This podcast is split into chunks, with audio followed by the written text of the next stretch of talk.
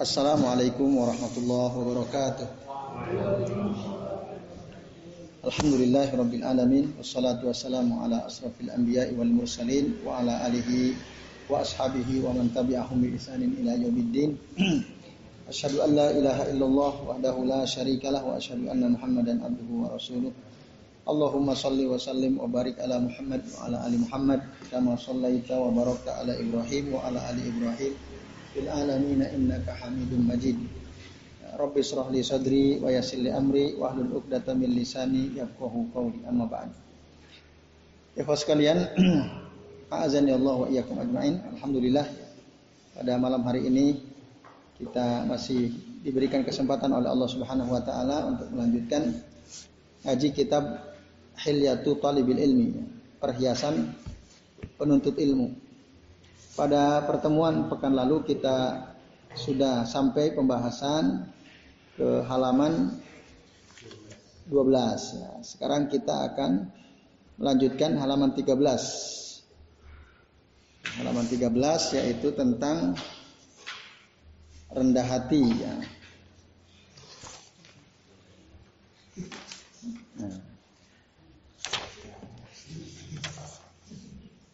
Tentang rendah hati dan tidak sombong ya. Khabdul janah wa nabzu al khuyala awil kibriya.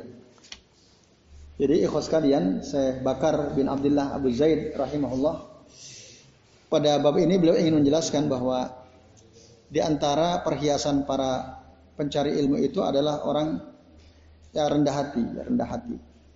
Rendah hati itu bisa kita sebut dengan tawadu atau khabdul janah Makna asal khobdul janah ya, janah itu sayap ya. Maka dalam Quran itu ketika Allah Subhanahu wa taala menyuruh kita sebagai anak menghormati orang tua, nah ada kata-kata wahfid haka minadzulli. Ya. Rendahkanlah dirimu ya di hadapan kedua orang tuamu. Jadi khobdul janah artinya rendah hati. Nah, beliau mengatakan tahalla bi adabin nafsi minal ifafi wal hilmi was sabri wat tawadu'i lil haqqi wa sukunu ta'iri minal wiqari war razanati wa khabdil janah wa tahammilan zulla ta'allumi li izzatil ilmi dalilan lil haqqi itu bahasa Arab berhiaslah kamu dengan ya adab adab pribadi. Adab pribadi seperti apa? Al ifaf Ifah al-ifaf jamak kata dari kata ifah artinya menjaga kesucian diri. Wal hilm santun was sabar. Wat tawadu lil haq ya, tawadu itu rendah hati terhadap kebenaran dan tenang seperti burung. Minal wikor ya, berwibawa rozana sopan khobbil jannah. Tadi rendah hati mutahammilan zullat ta'allum, sabar di dalam belajar, menanggung kehinaan belajar. Apa yang maksud menanggung kehinaan belajar? Nah, maksudnya belajar itu ya, berat, tidak gampang ya. Orang yang belajar itu berat. Ya. Kita harus, nah kayak gini lah, kita harus datang ya. Malam-malam kita terpaksa meninggalkan rumah, ngantuk ya kita tinggalkan ngantuk gitu ya dalam rangka untuk tolabul ilmi mencari ilmu. Nah itu. Nah di situ kita merasa ya berat ya. Nah, maka itu sabar ketika kita menghadapi beratnya mencari ilmu li izzatil ilmu karena ketinggian atau kemuliaan ilmu. Zalilan lil dan zalil itu dari kata zul ya zalil rendah maksudnya merendahkan diri di hadapan kebenaran atau patuh terhadap kebenaran. Nah ini ikhwas kalian ya di antara beberapa perhiasan atau adab pribadi ya bagi orang yang sedang menuntut ilmu. Nah, uh, maka ada syair ya yang ditulis oleh seorang alim man lam yaduk zullat ta'allumi ya, barang barang siapa yang belum pernah merasakan Zullat ta'allum. Sini ada zullat ta'allum. Maksudnya susahnya belajar. Nah, maka lam lam apa? Man lam yazuk zullat ta'allumi lam yazuk zullat jahal. Ya. Jadi barang siapa yang tidak pernah merasakan susahnya belajar apa bukan lam yazuk zullat jahal ya Artinya dia harus puas dengan kebodohan. Ah, dia harus puas. Jadi barang siapa orang yang belum pernah merasakan sulitnya belajar, maka dia harus puas dengan hinanya kebo kebodohan. Nah, itu ya. Jadi memang belajar itu susah ya. Jadi zulla di sini uh, maksudnya uh, kehinaan belajar kesusahan atau kesulitan belajar. Sulit apa gampang belajar itu? Menurut antum kira-kira? Sulit, ya, belajar sulit. Datangnya ada berat datangnya. Belum ya mungkin mencatatnya, belum memahaminya, belum harus beli kitabnya, belum mengamalkannya seterusnya. Nah itu ya mutahamilan dzullat ta'allum li izzatil ilm karena ilmu itu mu, mulia ya. Ilmu itu mulia. Makanya di banyak dipuji baik dalam Al-Quran maupun dalam Sunnah. Misalnya dalam Al-Quran, la yastawil ladina ya'lamuna wal ladina la ya'lamun. Tidaklah sama antara orang berilmu dengan orang yang tidak ber berilmu. Itu nggak sama. Allah bilang seperti itu. Ya ini ya, ikhwas sekalian, azan ya Allahu iyyakum ajmain. uh, kemudian wa alaihi fahdar nawaqidu hadhihi al adab. Maka hendaklah seseorang hati-hati dari pembatal-pembatal adab ini. Tadi ya, yang bisa menghilangkan kesucian diri, kesantunan, kesabaran, tawadu, wibawa, sopanan. Itu jauhi. Hati-hati ya, karena itu bisa membatalkan adab-adab ini. Kenapa? Pak inna hal ismi tuqimu ala nafsika syahidan ala anna fil aqli illah. Karena ya, kalau kita kehilangan adab-adab tadi, Ya. Ya.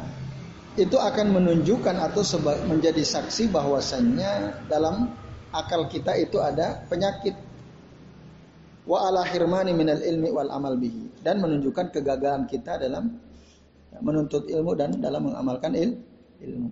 Ada orang cari ilmu tapi dia tidak santun. Al-hilm itu apa? Hilm itu ya, apabila ada orang berbuat buruk kepada kita, lalu kita tidak sama sekali tidak tidak ada keinginan untuk membalas keburukan orang. Itu sifat hilm. Al-hilm. Yang disebut santun itu itu maksudnya.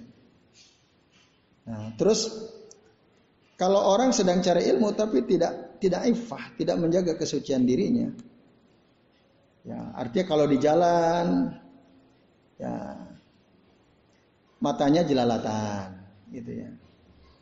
Jadi setiap ada lawan jenis dia perhatiin, ya, dia kejar, terusnya terus bersikap cuit-cuit gitu ya misalnya. Nah, itu nggak punya ipa. Toh, toh alim nggak patah seperti itu. Nah ini ya. Nah, itu rusak. Nah nanti itu menunjukkan bahwa ada penyakit di akal kita. Berarti kita gagal mendapatkan ilmu, kita gagal mengamalkan ilmu. Itu. Nah, ya. Kemudian Pak iya kawal khuyala, jauhilahmu sikap angkuh. Kenapa? Karena sikap angkuh itu nifakun wa kibria. Itu adalah kemunafikan dan kesombongan, keangkuhan. Tetapi mungkin saja seseorang orang yang mencari ilmu, menuntut ilmu mungkin gak sombong. Mungkin sekali, sangat mungkin. Ya, sangat mungkin. Awal-awal orang dapat ilmu dia so, sombong, merasa paling tahu gitu ya, merasa paling tahu. Nah itu, maka hati-hati ya, hati-hati. Kita harus betul-betul menjauhkan diri kita dari kesombongan. Ya. Banyak yang mendorong seseorang untuk berlaku sombong itu banyak ya, termasuk orang punya banyak harta, orang yang pinter, ya, jadi gagasannya bagus terus, ya, pinter, bagus hafalannya dan seterusnya, itu juga sangat memungkinkan seseorang dia sombong. Maka harus hati-hati. Maka setiap kenikmatan yang Allah berikan kepada hambanya, apa pun itu bentuk nikmat, itu sangat mungkin ya, mendorong seseorang untuk berbuat atau bersikap sombong apa pun. Kalau dia tidak hati-hati. Nah, lalu apa sih bedanya antara sombong? Sombong itu dalam bahasa Arab disebut khuyala, juga disebut kibria kiber, al kiber, al khuyala. Itu sombong. Ujub. Nah, tambah lagi ujub. Ada al khuyala, ada kibria atau al kiber, ada al ujub. Ini tiga kata ini kadang-kadang ada sebagian orang mengatakan sama artinya sinonim ya. Sinonim. Padahal beda. Kiber misalnya Nabi udah al kiber Rasul udah memberikan definisi kiber itu apa? Batarul haq wa nas ya. menolak kebenaran, merendahkan orang lain. Itu kiber, kibria. Nah, sementara khuyala, sementara khuyala itu ijabu bin nafsi ma'a zuhuri dalika ala hayatil badan. Nah, ini. Khuyala itu kagum terhadap dirinya sendiri kagum terhadap dirinya sendiri, merasa paling gitu ya pada dirinya sendiri, lalu dia tampakkan dalam gerak-gerik tubuhnya, dia tampakkan, diperlihatkan bahwa dia merasa paling cerdas gitu ya. Dia perlihatkan, ya, dia perlihatkan kalau dia paling cerdas gitu ya misalnya. Nah, itu namanya khuyala. Atau dia merasa paling kaya misalnya. Maka dia tunjukin kalau dia ini kaya paling kaya di antara teman-teman yang lain. Misalnya dia handphonenya paling mahal. Harganya aja 28 juta misalnya. Wah dia dia perlihatkan gitu ya jam tangannya aja Rolex emas semua gitu ya nah, dia gini-gini terus dia ya. nah misal ya itu namanya khuyala. Ya, dia bangga, tapi dia tunjukin. Nah, sementara kalau ujub, nah, ujub itu yakunu bil qalbi faqat. Hanya ada dalam hati. Kadang orang nggak ngelihat kalau seseorang itu ujub, tapi hatinya dia ujub. Ini penyakit hati ujub itu. Ketika dia sudah tampakkan, itu namanya khuyala. Itu namanya khu, khuyala. Sum'ah itu ria nanti. Sum'ah ria itu satu jenis tapi beda kalau ria memperlihatkan kalau sum'ah memperdengarkan dari kata sami'ah. Nah itu. Maka jauhi itu sikap-sikap seperti itu. Nah, maka telah sampai kepada kita bagaimana dulu para ulama salaf betul-betul menjaga diri ya dari sikap-sikap adab yang rendah ini para ulama dulu. Nah, seperti yang dikemukakan oleh Al Imam Az-Zahabi ya, ketika beliau cerita tentang Amr bin Al Aswad Al Ansi yang wafat pada masa khilafah Abdul Malik bin Marwan rahimahullah. Dia ada tokoh namanya Amr bin Aswad Al Ansi. Diceritakan oleh siapa? Imam Az-Zahabi. Tokoh ini ya ketika dia keluar dari masjid idza kharaja minal masjid qabadha bi yaminihi ala shimali. Dia memegang ya tangan kanannya memegang tangan kiri. Jadi kalau dia pulang dari masjid dia pegang nih. Jadi orang si alim ini namanya Amru bin Al Aswad Al Ansi hidup di masa Khalifah Abdul, Abdul Malik bin Marwan. Dia setiap kali pulang dari masjid, dia pegang tangannya, tangan kanan, megang tangan kiri. Dia pegang. Nah lalu, ya, ditanya beliau tentang itu. Kenapa engkau selalu megang tangan kirimu dengan tangan kananmu setiap kali engkau pulang dari masjid. Nah, apa kata dia? Makhofatan antuna fiqayadi. Dia khawatir tanganku ini bersikap munafik, nifak. Terus kata saya Bakar bin Abdullah Abu Zaid, kultu yang maksud kultu itu aku katakan maksud kata-kata dari Amr bin Al Aswad Al Ansi itu yumsikuha khaufan min an yaqtura biyadihi fi misyatihi. Fa inna dzalika minal khuyala. Jadi dia memegang tangan kiri dengan tangan kanan khawatir ya. Khawatir ketika dia mengayun-ayunkan tangannya, jalan mengayunkan, nah itu nanti muncul kesom kesombongan. Coba bayangkan ya. Orang mungkin pulang dari masjid, wah, pulang dari masjid itu kan. Nah, petantang petantang, wah, pulang dari masjid. Nah, supaya nggak muncul perasaan itu, maka saya Amr bin Al Asad itu pegang tangannya, biar jalannya nggak bergaya gitu. Sampai seperti itu ya ulama dulu. Saking hati-hatinya dari bersikap bersikap sombong. Nah, ini kejadian yang terjadi pada seorang alim bernama Al Ansi tadi rahimahullah Allah merahmati beliau. Maka hati-hati ya, tinggalkan sikap atau penyakit tirani ini ya, yaitu kesombongan karena sombong ya tamak hasad dengki itu merupakan dosa pertama ya yang dilakukan untuk bermaksiat kepada Allah Subhanahu wa taala. Termasuk nah, sikap sombong itu termasuk tata wuluka ala muallimika kibriya engkau bersikap lancang kepada gurumu ya karena sombong merasa lebih tahu dari guru dan seterusnya nah itu namanya sikap sikap lancang ya. Maka itu bagian daripada kesombongan ya yang bisa merusak citra dia sebagai orang yang berilmu ya termasuk istinkafu ka'amman yufidu kami man kibriya termasuk kita enggak mau menerima ilmu dari orang yang lebih rendah, baik dari sisi usia maupun dari sisi ilmu. Nah, jadi nggak mau dia terima ilmu dari orang yang ilmunya lebih rendah. Padahal ulama-ulama dulu ya seperti Imam Ash-Syafi'i tetap ngambil ilmu dari Imam Ahmad. Dari sisi usia Imam Syafi'i lebih sepuh.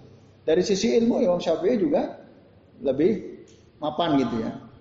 Tapi kemudian tetap beliau berguru kepada atau mengambil faidah dari muridnya Imam Ahmad. Bahkan sampai Imam Syafi'i nginep di rumah Imam Imam Ahmad.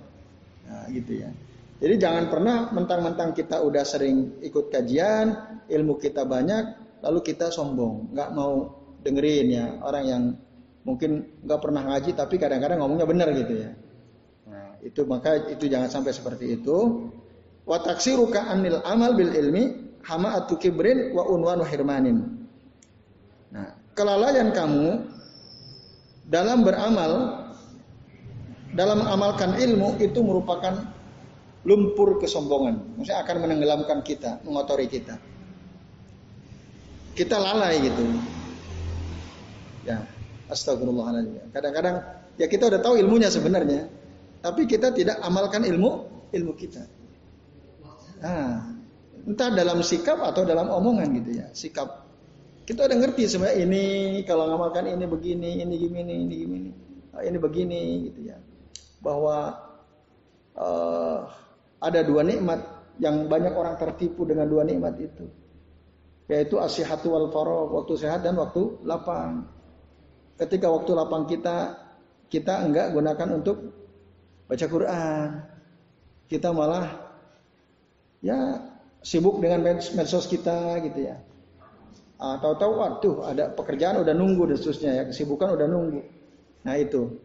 Kita udah paham sebenarnya, tapi sering kali, sering kali, ya termasuk kami sendiri ya sering kali seperti itu. Ada waktu luang malah dihabiskan untuk tadi buka-buka. Kalau zaman sekarang orang pada umumnya buka medsos ya pada umumnya. Atau kalau enggak tidur-tiduran gitu ya, bersantai-santai. Tidak merasa kehilangan waktu berlalu begitu saja tanpa ada manfaat.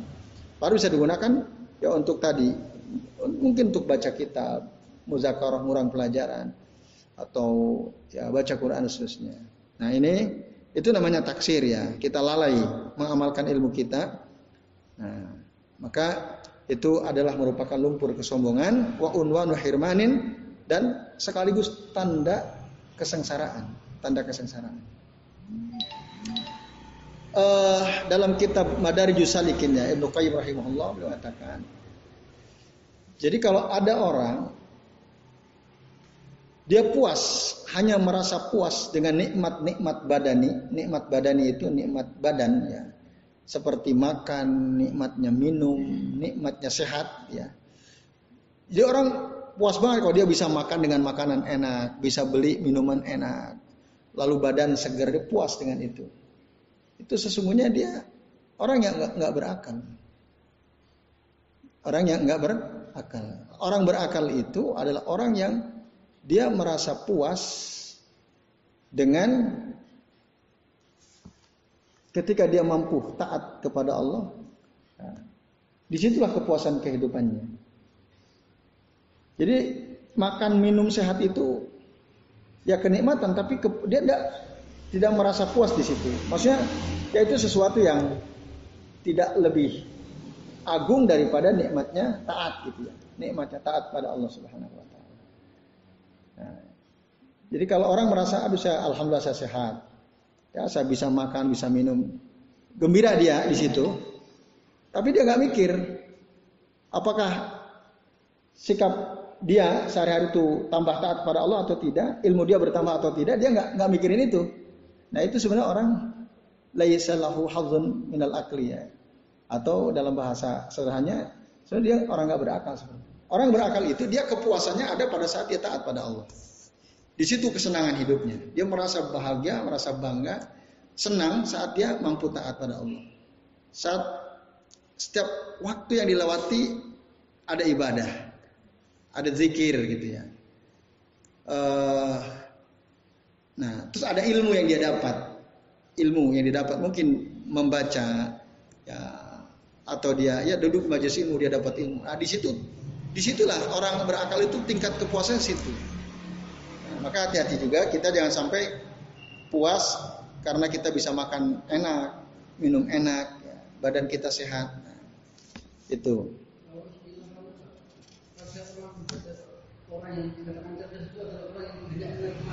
Hmm. Betul, maka dalam hadis mengatakan al kayisu ya, orang cerdas itu uh, mandana nafsahu ya orang yang mengendalikan hawa nafsunya wa amila lima ba'dal maut. Wa, wa amila lima ba'dal maut. Dan dia beramal untuk kehidupan setelah kematian. Itu orang cerdas wal ajizu sementara orang yang lemah atau orang bodoh itu adalah manit taba'a hawahu yaitu orang yang ngikutin hawa nafsunya watamana alallahil amaniya dan hanya berangan-angan saya ingin begini, saya ingin wawasan saya luas tapi nggak pernah mau baca kitab, nggak pernah mau hadir ke majelis ilmu. Saya ingin masuk surga tapi ya amalnya gitu-gitu saja yang berkembang gitu ya. Nah itu namanya tamani alallahil ama, amani ya. Itu al-ajiz. Al-kajis itu tadi ya. Orang mandana nafsahu wa amila lima ba'dal mau. Dia kendalikan hawa nafsunya, dia nggak ikut hawa nafsunya tapi dia justru kendalikan Lalu dia beramal untuk kehidupan setelah kematian. Ya, contoh sederhana begini. Ada orang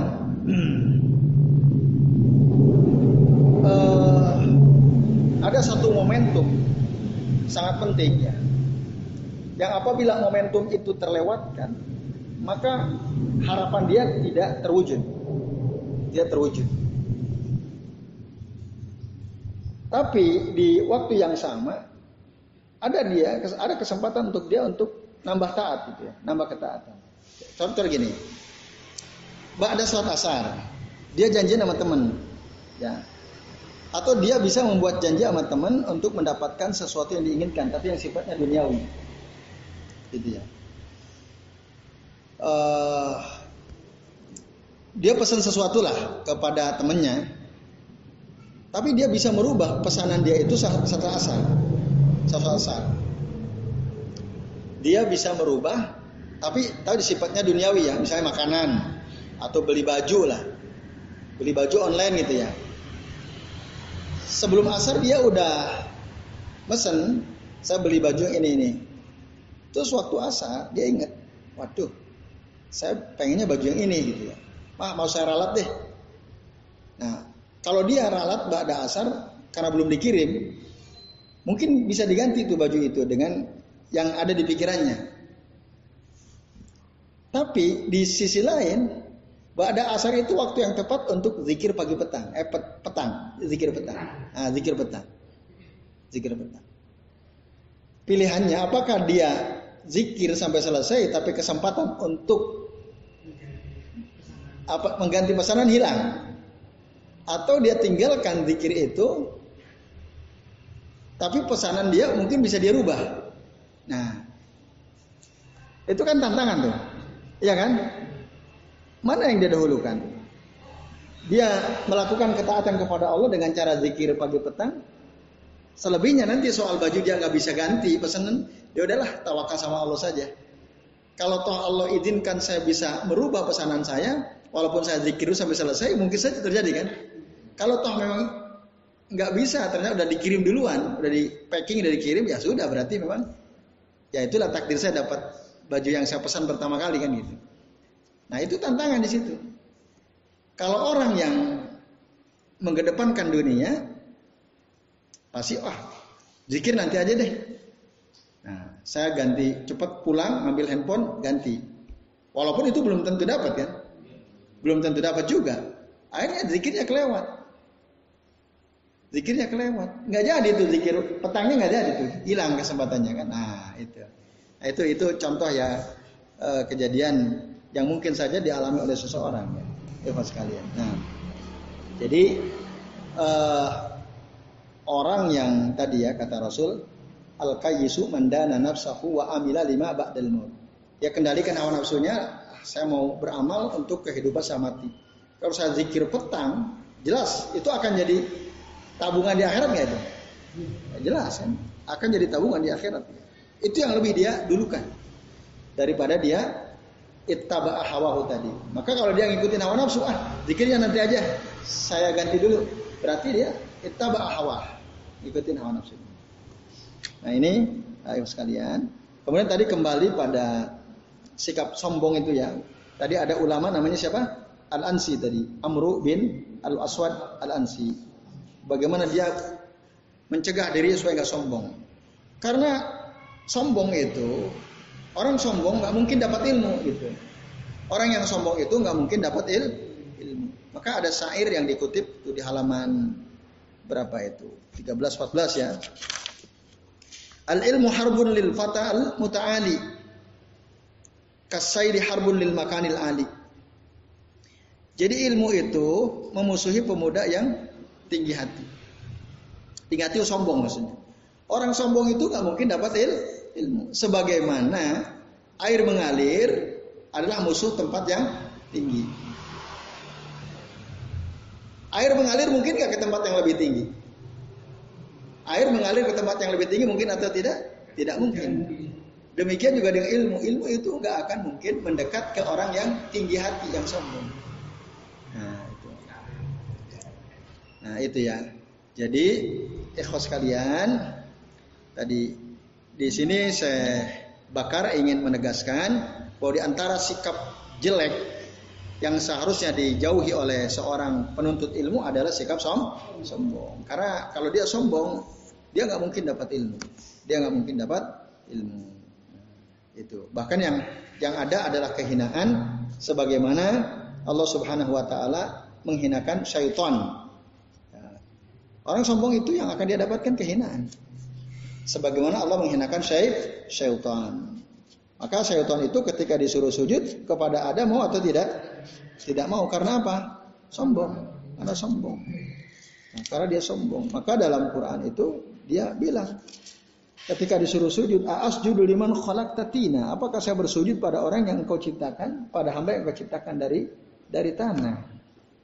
Nah, hadalladzi karamta alayya. Ana khairun minhu khalaqtani min narin wa khalaqtahu min tin. Aku lebih baik daripada Adam. Dia merasa lebih baik. Engkau ciptakan aku dari api sementara engkau ciptakan Adam dari dari tanah kata syaitan. Ini Ibu sekalian, azan ya Allah wa iyyakum ajmain. Nah, lalu apa contoh sikap lancang kepada guru misalnya? Kalau saya katakan qad yamsi ma'a muallimihi wa huwa yatabakhtar ya. Ketika dia berjalan dengan gurunya, uh, dia bisa lancang itu dengan lisannya atau dengan perbuatan. Dengan lisan bisa mengatakan wa yaqulu fa'altu wa. Saya telah melakukan ini, saya telah melakukan itu. Tapi dengan kesombongan ya. Nah, saya sudah begini, saya sudah begitu, gitu. Nah itu termasuk perbuatan lancang. Atau tadi dia tidak mau mengambil ilmu faidah dari orang yang lebih rendah darinya. Nah ini sesuatu yang mungkin terjadi pada seseorang ya. Ini ikhwas kalian azan ya Allah wa iyyakum Nah, kemudian uh, falzam rahimakallah ya al-lusuku ilal ar ya, berusaha senantiasa menapak pada bumi ya al-izra ala nafsika rendah hati hadmaha ya wa muraghamataha indal istisraf lil kibriya berusaha menekan diri kita ini ketika muncul keinginan untuk sombong untuk congkak ya atau ingin dilihat ya hubbu azhur hubbu zuhur itu ingin nampak menonjol. Ada nggak tuh? Sikap orang inginnya menonjol dia yang kelihatan. Nah itu jangan ya. Seorang talib jangan seperti itu atau ujub. Nah, atau ujub zalika min afatil ilm al qatilalahu karena itu merupakan bencana ilmu dan bisa membunuh bagi ilmu. Menghilangkan wibawanya mutfi'atun linurihi bisa memadamkan cahaya ilmu. Harusnya kullama zdadta ilman aw rif'atan fi wilayatin. Setiap kali ilmu bertambah ya, terus kedudukanmu bertambah tinggi maka hendaklah ya engkau memperhatikan sikap-sikap mulia tadi akhlak-akhlak mulia tadi ya. itulah yang akan ya memberikan kebahagiaan besar wa maqaman yagbituka alaihin nas dan kedudukan nanti banyak orang iri iri tapi positif gitu ya. Kalau kita bertambah ilmu kita, bertambah kedudukan kita, lalu kita tetap santun, kita sopan, tidak sombong, kita menjaga kesucian diri kita khususnya. Nah itulah sesungguhnya kebahagiaan yang besar dan kedudukan yang orang pasti banyak iri. Oh, si Pulan udah ilmunya luas, uh, tapi tawadu orangnya, tapi santun orangnya seterusnya. Kemudian dari Abdullah bin Al Imam Al Hujjah Ar Rawiyah bil Kutubi Sittah. Dari Abdullah bin Al Imam Al Hujjah Ar Rawiyah, maksudnya seorang imam ya yang dia meriwayatkan hadis-hadis dalam kutub asitta dalam kitab-kitab hadis yang 6 yaitu Bakar bin Abdullah Al-Muzanni rahimahullah. Dia berkata ya, siapa yang berkata di sini? Abdullah. Dia bilang apa? Sami itu insanan yuhaddisu an abi. Aku mendengar orang-orang berbicara tentang bapakku. Annahu kana waqifan bi Arafah sesungguhnya bapakku itu ya berada di Arafah padang Arafah maksudnya Faraqqa faqala laula anni fihim Nah, lalu bapaknya itu berbicara ya. Seandainya aku tidak berada di tengah-tengah mereka, lakultu maka pasti kukatakan qad ghufirallahu. Maka mereka ya diampuni oleh Allah dosa-dosanya. Nah, ini adalah sikap tawadu dari Bakar bin Abdullah Al-Muzanni. Jadi dia ngerasa ketika dia ada di tengah orang-orang, dia seorang tokoh, seorang alim. Seorang tokoh, seorang alim. Kalau dia ada di tengah-tengah mereka, dosa-dosa mereka itu tidak diampuni. Tapi seandainya dia ada di tengah-tengah mereka, eh seandainya dia tidak ada di tengah-tengah mereka, maka mereka itu orang-orang dekat dari Syekh Bakar bin Abdullah Al-Muzanni akan diampuni dosa-dosanya oleh Allah Subhanahu wa taala.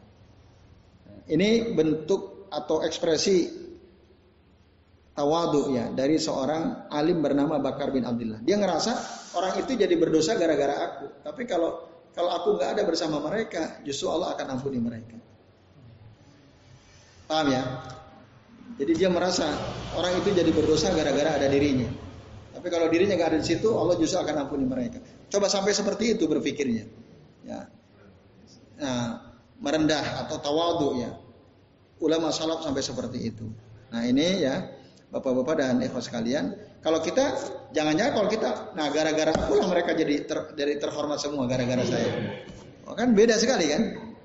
Nah dia ngerasa karena ada dirinya orang jadi hebat, orang jadi apa jadi apa gitu. Nah, itu bahaya sekali.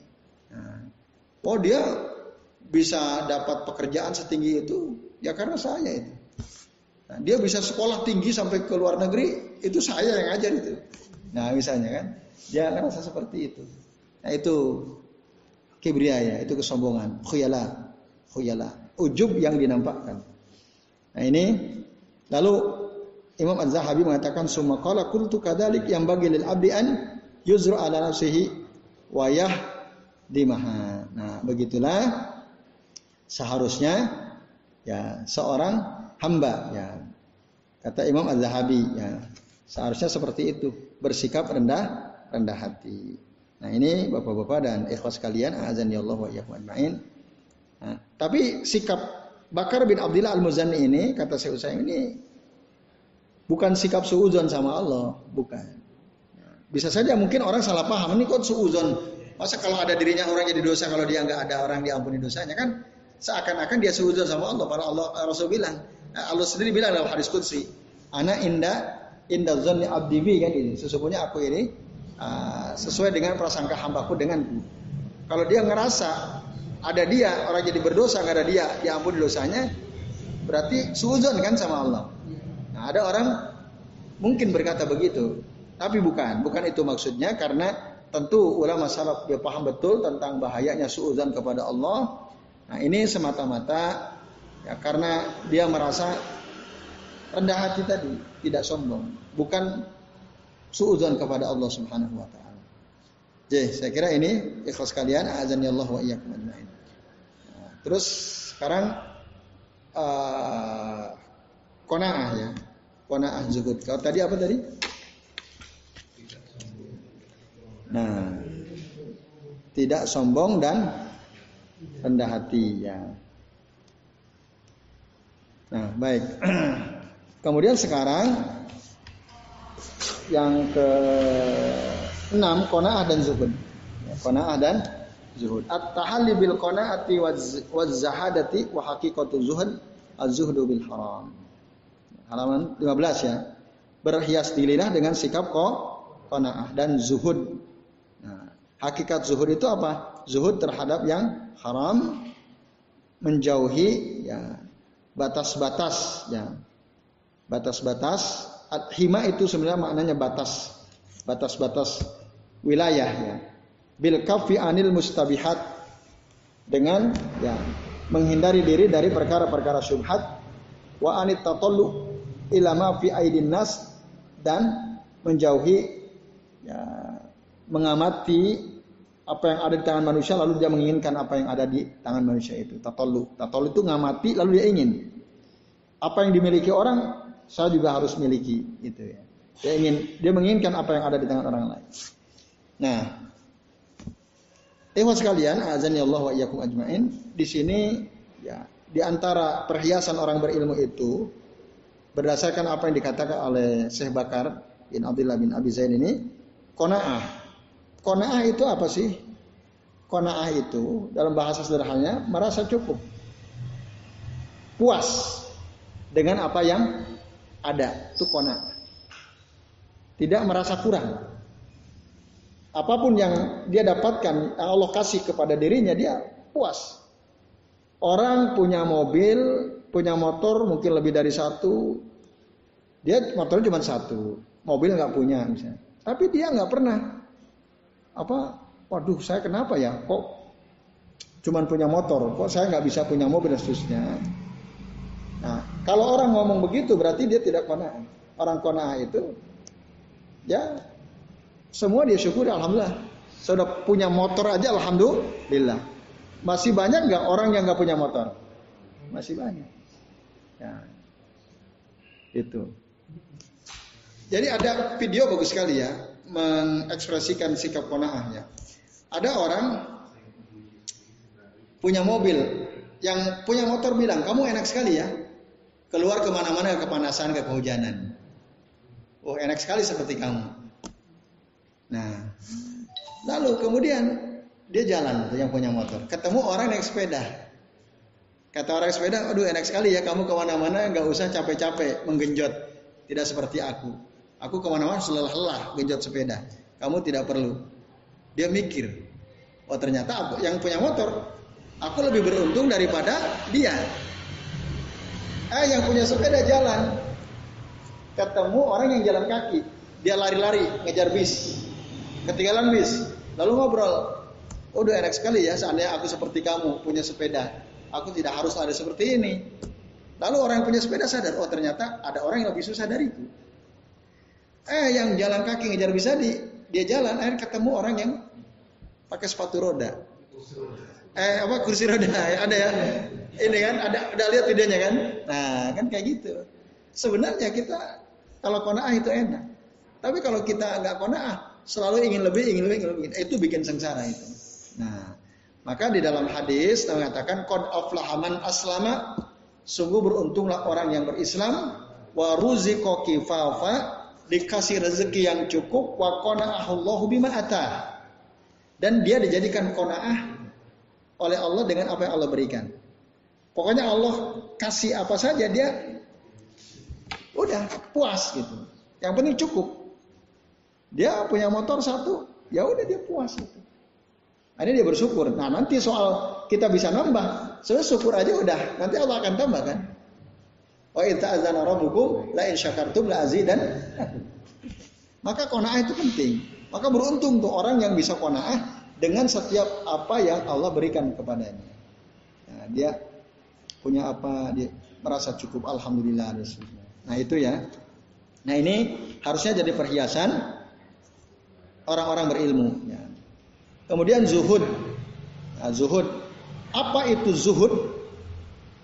Nanti saudaranya zuhud ada wara. Zuhud wara. Nah.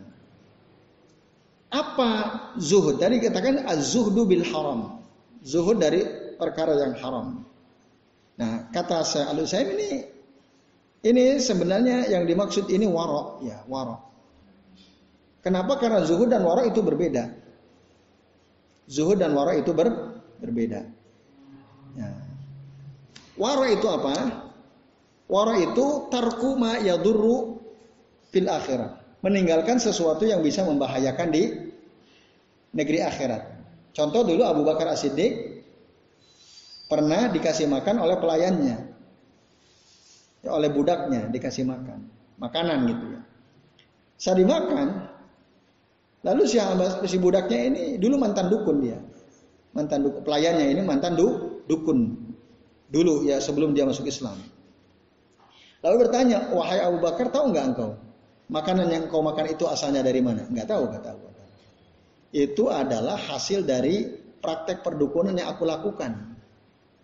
Padahal dulu aku banyak bohong waktu aku jadi dukun. Wah, Abu Bakar kaget kan?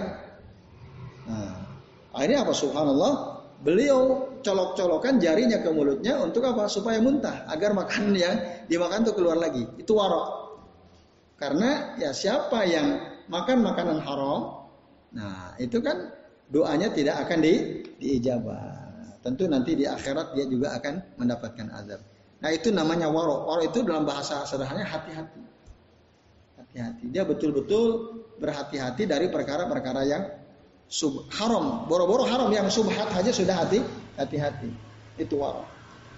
Sementara zuhud nah, zuhud itu lebih tinggi derajatnya daripada wara. Kalau wara tadi meninggalkan sesuatu yang berbahaya, membahayakan dia di akhirat, sementara zuhud itu adalah meninggalkan sesuatu yang tidak ada manfaatnya. Bukan hanya tidak berbahaya, kalau bahaya apalagi? Ini yang dianggap tidak ada manfaatnya untuk kehidupan akhirat saja ditinggalkan. Itu zuhud. Nah, maka apa keutamaan orang zuhud? Izhad fid dunya yuhibbukallah kata Rasul. Zuhudlah kamu di dunia maka Allah akan mencintaimu. Wazhad ya. Dan zuhudlah mimma fi aidin nas ya, dari apa-apa yang ada di tangan manusia bukan nas maka orang akan mencintai kamu itu fadilah zuhud keutamaan zuhud nah tadi zuhud itu ada sikap meninggalkan segala sesuatu yang tidak ada manfaatnya di akhirat untuk kehidupan akhirat dia udah punya baju. Baju kerja ada, baju sholat ada, baju santai ada, untuk tidur ada. Terus dia punya uang. Dia punya uang. Nah, orang zuhud ketika dia ada pikiran, ah saya mau beli baju lagi deh. Beli baju lagi biar nambah baju saya. Nah, padahal bajunya masih pada bagus, baju yang ada masih bagus.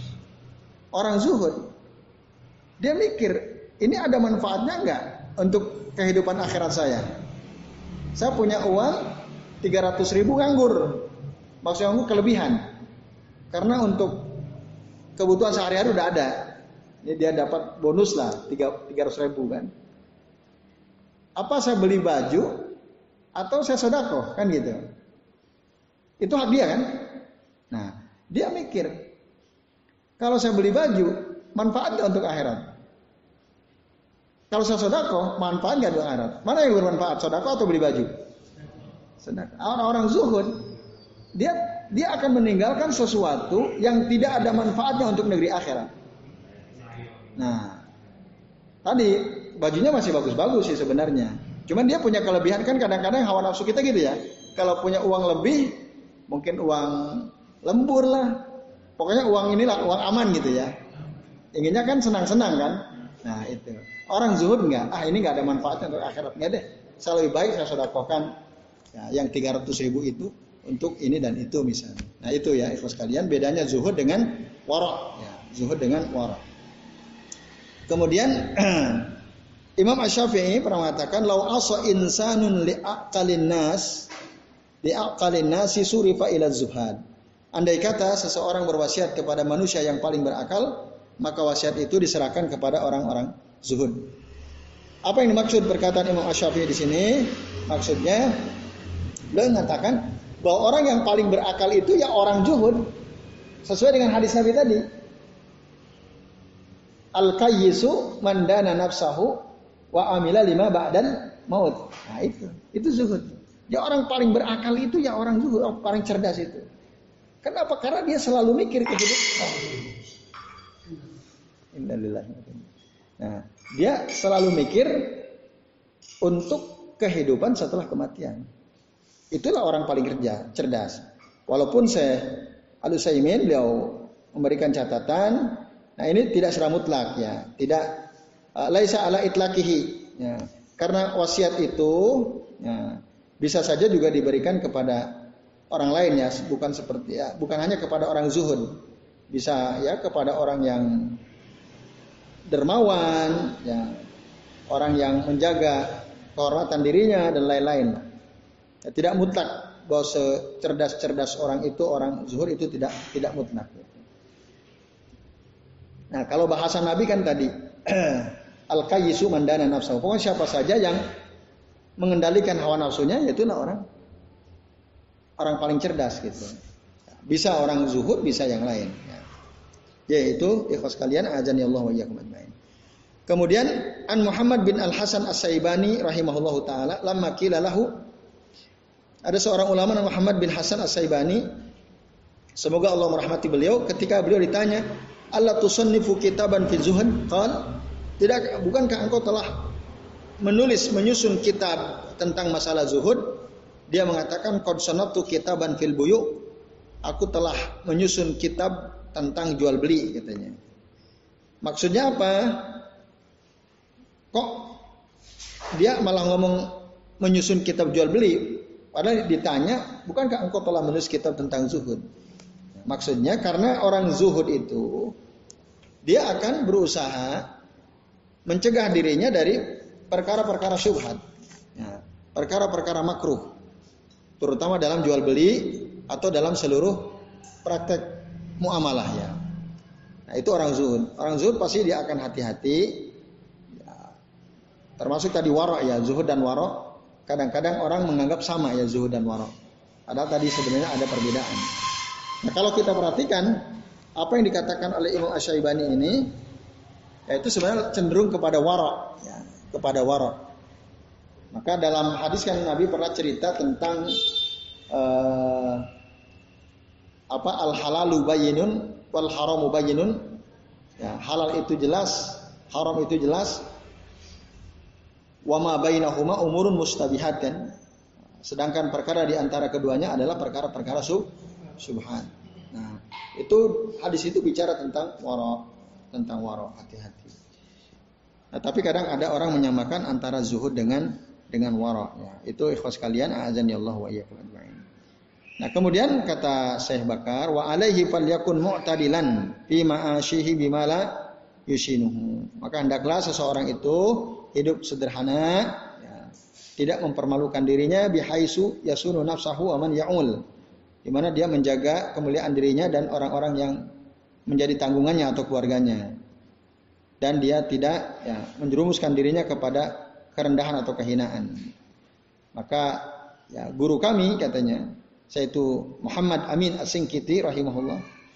Ini saya Muhammad Amin Asingkiti ulama besar. Ulama besar yang menulis kitab besar yaitu Adwaul Bayan di Tafsirul Quran bil Quran. Ini saya Muhammad Amin Asingkiti rahimahullah. Nah, beliau ini orang yang ya mutaqallilan minat dunia. Ya, zuhud orangnya. Ya, Kata Syekh Bakar, aku menyaksikan sendiri bagaimana Imam Asing Kiti seorang ulama besar, beliau tidak tahu beberapa ya, mata uang kertas. Jadi belum mungkin dolar nggak tahu dolar, taunya ya mata uang di mana beliau tinggal gitu ya. Kalau di Saudi udah taunya uang real aja. Mungkin rupiah dia beliau nggak kenal ya. Dolar beliau nggak kenal, pound sterling mungkin beliau nggak kenal gitu ya. Para ulama besar. Nah, bahkan beliau pernah berkata langsung kepadaku, lakoji itu minal bilad. Ya, singkit, aku telah datang dari suatu negeri. Singkit itu di Afrika ya, di Afrika. Tapi beliau orang alim, ulama besar. Ya, tinggal di Saudi ya. Wa ma'i kanzun qalla in yujada inda ahad. Aku memiliki ya, perbendaharaan yang Sedikit orang memiliki perbendaharaan ini. Wahwal qanaah yaitu sikap qanaah. qanaah. Lau aradtul manasib seandainya aku menginginkan jabatan kata saya asing kiti la aradtu tariq ilaiha. Aku tahu cara untuk mendapatkannya, jalan untuk sampai kepadanya. Walakin nila usiru ad-dunya alal akhirah, tapi aku tidak mendahulukan dunia di atas ah, akhirat walau ubzilul ilma linailil ma'aribid dunyawiyah dan aku tidak menggunakan ilmu untuk ambisi-ambisi duniawi kata beliau. Semoga Allah merahmati Syekh Muhammad Amin Asingkiti dengan rahmat yang luas. Amin ya rabbal alamin. Nah, itu guru dari Syekh Bakar. Syekh Bakar ya. Nah, termasuk guru dari Syekh Al Utsaimin ya. Syekh Muhammad Amin Asingkiti rahimahullah. Nah itu bapak-bapak dan ikhlas kalian, azani Allah wa iyyakum ajmain. Ya. Ah, bagaimana seharusnya seorang talib, jadi dia harus zuhud, qanaah zuhud tadi dia zuhud dari kehidupan dunia.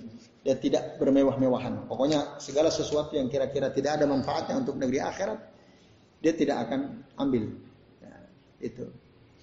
Dan apa-apa yang dimiliki oleh orang, dia nggak ingin. Ya sudah itu, itu bagiannya dia, ini bagian saya. Nah, itu. Dan dia merasa kona'ah cukup nah, dengan apa yang dimiliki.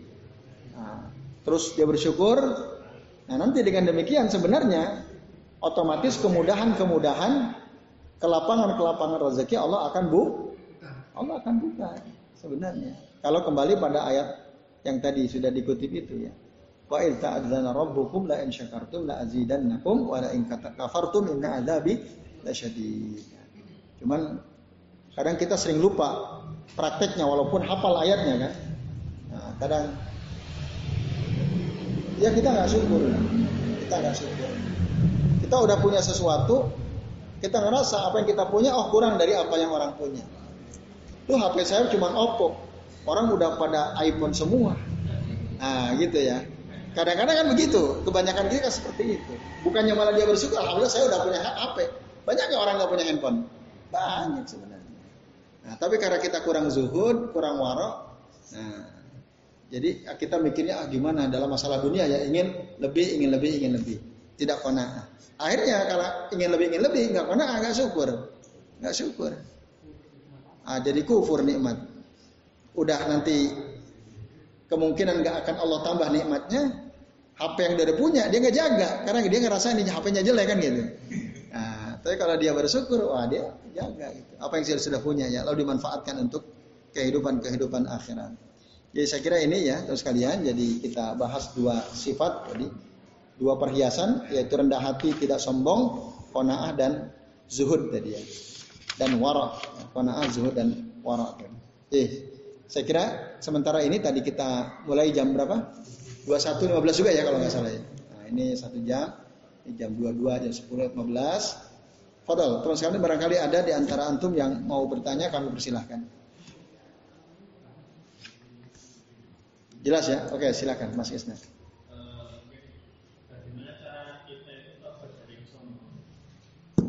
Taubat dari kesombongan.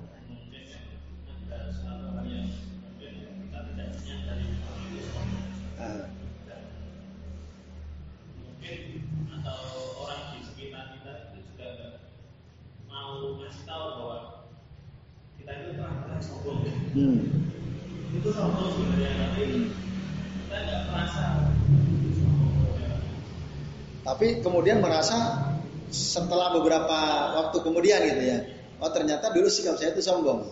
Nah, lalu gimana cara taubatnya? Gitu. Baik, kalau kesombongan yang kita lakukan itu tidak menzolimi orang lain, tidak menzolimi, maksudnya orang tidak merasa terzolimi, bisa saja sikap sombong kita itu menzolimi orang dan orang merasa dia terzolimi. Atau bisa juga dia tidak merasa kalau kita zolimi dengan kesombongan kita. Contoh gini ya, kan ukuran sombong itu kata Rasul batorul haq wa nas kan. Menolak kebenaran, merendahkan manusia, orang lain. Kita sering merendahkan orang karena sombong tadi. Tapi mungkin dalam hati kita ya kita merendahkan ah si Pulan gak ada apa-apanya lah. Kecil itu. Nah, misalnya gitu ya. Dia orang orang miskin dan miskin jahil pula kan gitu misalnya. Tapi dia nggak dengar omongan kita. Dia nggak dengar omongan kita. Dia merasa terzolimi tidak kira-kira? Tidak kan? Nah, tidak. Maka kalau kesombongan merendahkan orang lain, tapi orang yang kita rendahkan tidak merasa terzolimi, Cara taubatnya cukup istighfar, minta ampun sama Allah. Tapi kalau kesombongan kita merendahkan orang dan memang kita merendahkan di hadapan dia, dia, dia. Dan orangnya itu ngerasa terzolim, ini orang kok sombong. Sombong sekali orang ini. Nah gitu ya. Dia merasa direndahkan oleh kita karena kita sampaikan itu di hadapan wajahnya. Dia merasa terzolim. Nah kalau begitu waktu itu kita belum tahu, baru setelah beberapa bulan setahun kita sadar, oh ternyata sombong itu di antaranya adalah merendahkan orang orang lain. Nah, lalu kita sadar ingin bertobat kepada Allah karena tidak akan masuk surga la yadkhulu al jannata man kana fi qalbihi ya misqala dzarratin minal kibar ya. Tidak akan masuk surga orang yang ada dalam hatinya ya sekecil sekecil apa pun dari kesombongan. Ya. Kalau ada kesombongan dalam hati seseorang, dia nggak akan masuk surga. Dia mati, mati dalam keadaan ada kesombongan dan dia belum sempat taubat dari kesombongannya, maka dia akan masuk neraka, tidak akan masuk surga. Ya. Maksudnya tidak akan langsung masuk, tidak akan langsung masuk surga. Nah, dia akan disiksa dulu. Udah habis beres baru ya. Kalau dia mukmin, dia bertauhid kepada Allah, dia akan dia, dia angkat. Intinya dia tidak sempat bertobat dari kesombongannya. Maka kesombongan itu penyakit yang sangat berbahaya. Yang apabila kita sadar kita merasa sombong, taubatlah. Kalau tadi yang pertama orang yang kita sombong kepadanya, kita rendahkan dia nggak ngerasa, kita cukup istighfar. Tapi kalau haknya dia, kehormatan dia sudah kita nodai, ya, kita cederai, maka ketika kita sadar, oh ternyata dulu saya merendahkan si fulan itu sikap sombong. Maka datangi dia, minta maaf. Maaf ya, dulu aku telah menganggap kamu begini-begini. Tolong dimaafkan. Nah, ternyata itu sikap sombong dan saya berharap kamu mau memaafkan aku dan aku bertobat kepada Allah Subhanahu wa taala. Nah, itu caranya. Kalau ada orang yang pernah kita zalimi ya dengan kesombongan kita. Ya itu, Allah alam Walaupun orangnya itu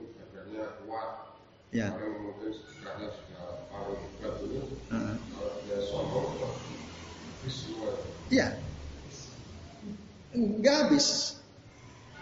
Orang sombong itu tadi kalau ada kesombongan meskipun kecil di hati seseorang, kalau dia tidak taubat dari kesombongannya, meskipun ibadahnya kuat, dia dermawan, sedekahnya banyak, tetap dia akan masuk tidak akan masuk langsung tidak tidak akan langsung masuk surga, dia akan masuk neraka.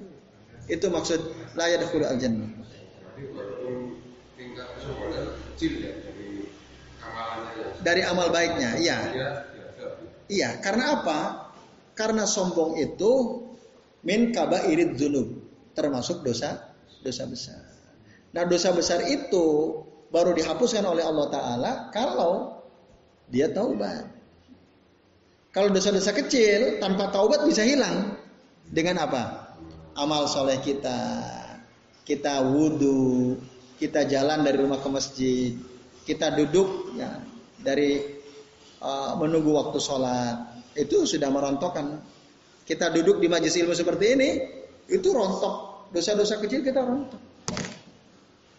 Tapi dosa besar enggak. Dia tetap ada sampai kita bertaubat. Istighfar kita ingat, aduh ya Allah dosa pernah begini-begini. Astagfirullahaladzim. Astagfirullahaladzim. Kalau ada orang pernah terzalimi datangi kita minta maaf sama dia. Nah itu. Nah itu bahayanya. Dosa besar itu begitu bahaya. Ya. Tapi gini ada kata para ulama, innahu la kabirata ma'al istighfar wala sogirata ma'al istimrar. Sesungguhnya tidak ada dosa besar jika disertai dengan istighfar. Ah, dosa istighfar, dosa istighfar. Itu udah nggak ada tuh. Dan tidak ada dosa kecil ma'al istimrar. Tidak ada dosa kecil yang terus-terus dilakukan. Jadi bukan kecil lagi, jadi besar kan itu terus-terusan. Nah itu. Jadi kata-katanya indah sekali ya. La kabirota ma'al istighfar wala sogirota ma'al istimrar. Tidak ada dosa besar yang dibersama dengan istighfar dan tidak ada dosa kecil yang dilakukan secara terus terus menerus. Maka jangan anggap remeh dosa kecil. Wah ini dosa kecil. Bohong nanti juga hilang sendiri kalau saya wudhu.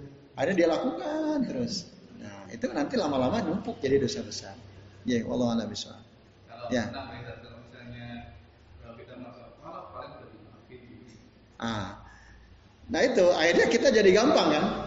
Oh paling Allah sudah maafin. ya kita Oh yang zalim sama orang ya ya ya. Allah paling oke Itu namanya menyepelekan dia. Oh, itu bahaya. Iya kalau dia betul maafin. Kalau enggak, ada jaminan nggak orang yang pernah kita zalim memaafkan kita? kelihatannya Ah, tapi kan nggak ada jaminan kan? Apa? Oh, tapi kan masalahnya ingat nggak itu ya? Nah, iya, jadi, jadi yang minta penghalalan dari dosa yang pernah kita lakukan kepadanya. Atau mungkin lebih tepatnya maaf ya barangkali pernah dulu aku berbuat begini-begini. Atau kalau kita ingat langsung aja sebutin, maaf ya dulu aku pernah begini-begini. Kecuali ketika kita terus terang mendatangkan madorot yang lebih besar, nah itu jangan. Itu jangan. Misalnya ada suami istri nikah atau suaminya istrinya bilang waktu mau dilamar, kamu masih gadis? Ya masih gadis. Tadi bohong, kalau pernah berzina gitu ya. Satu saat dia ingat, waduh aku zalim nih, pernah membohongi suamiku. Arya, aduh maaf mas. Nah, aku bertaubat ya karena Allah dan aku pernah menzolimi kamu, pernah membohongi kamu. Dulu kan kamu pernah tahu nanya sama aku, aku masih gadis apa bukan? Aku bilang iya. Padahal sebenarnya aku udah nggak gadis lagi. Nah itu kan mendatangkan mador nggak kira-kira? Iya, suaminya kira-kira apa tuh sikapnya? ya Ah, apa iya? Ya wis ora apa-apa. Nggak mungkin. Nah, ah. Nah, jika kemungkinan besar madorot yang lebih besar itu akan datang, ya, maka sebaiknya kita nggak usah terus terang. Ya udah, ngomong aja tadi. Jika ada dosa-dosa yang pernah aku lakukan, mohon dimaafkan, ya gitu. Tapi kalau tidak potensi menimbulkan dosa lebih besar nggak ada ya lebih baik kita sebutkan. Lu pernah begini begini. Ya, Allah alam. Oke, cukup ya terus kalian? Nah, saya kira cukup sampai sini dulu. Jadi sampai halaman 16 ya. 16. Insya Allah nanti kita akan bahas mulai dengan halaman 16 poin yang ketujuh ya. Baik, terima kasih atas perhatian untuk semua. Semoga apa yang kita bahas bermanfaat dan sekali lagi semoga duduknya kita di majelis ilmu ini bisa merontokkan dosa-dosa kecil kita. Amin. Uh, itu saja saya akhiri ya wasallallahu ala Muhammadin wa ala alihi wa sahbihi wa baraka wa sallama alaihi ajmain. Uh, billahi taufiq wal hidayah. Wassalamualaikum warahmatullahi wabarakatuh.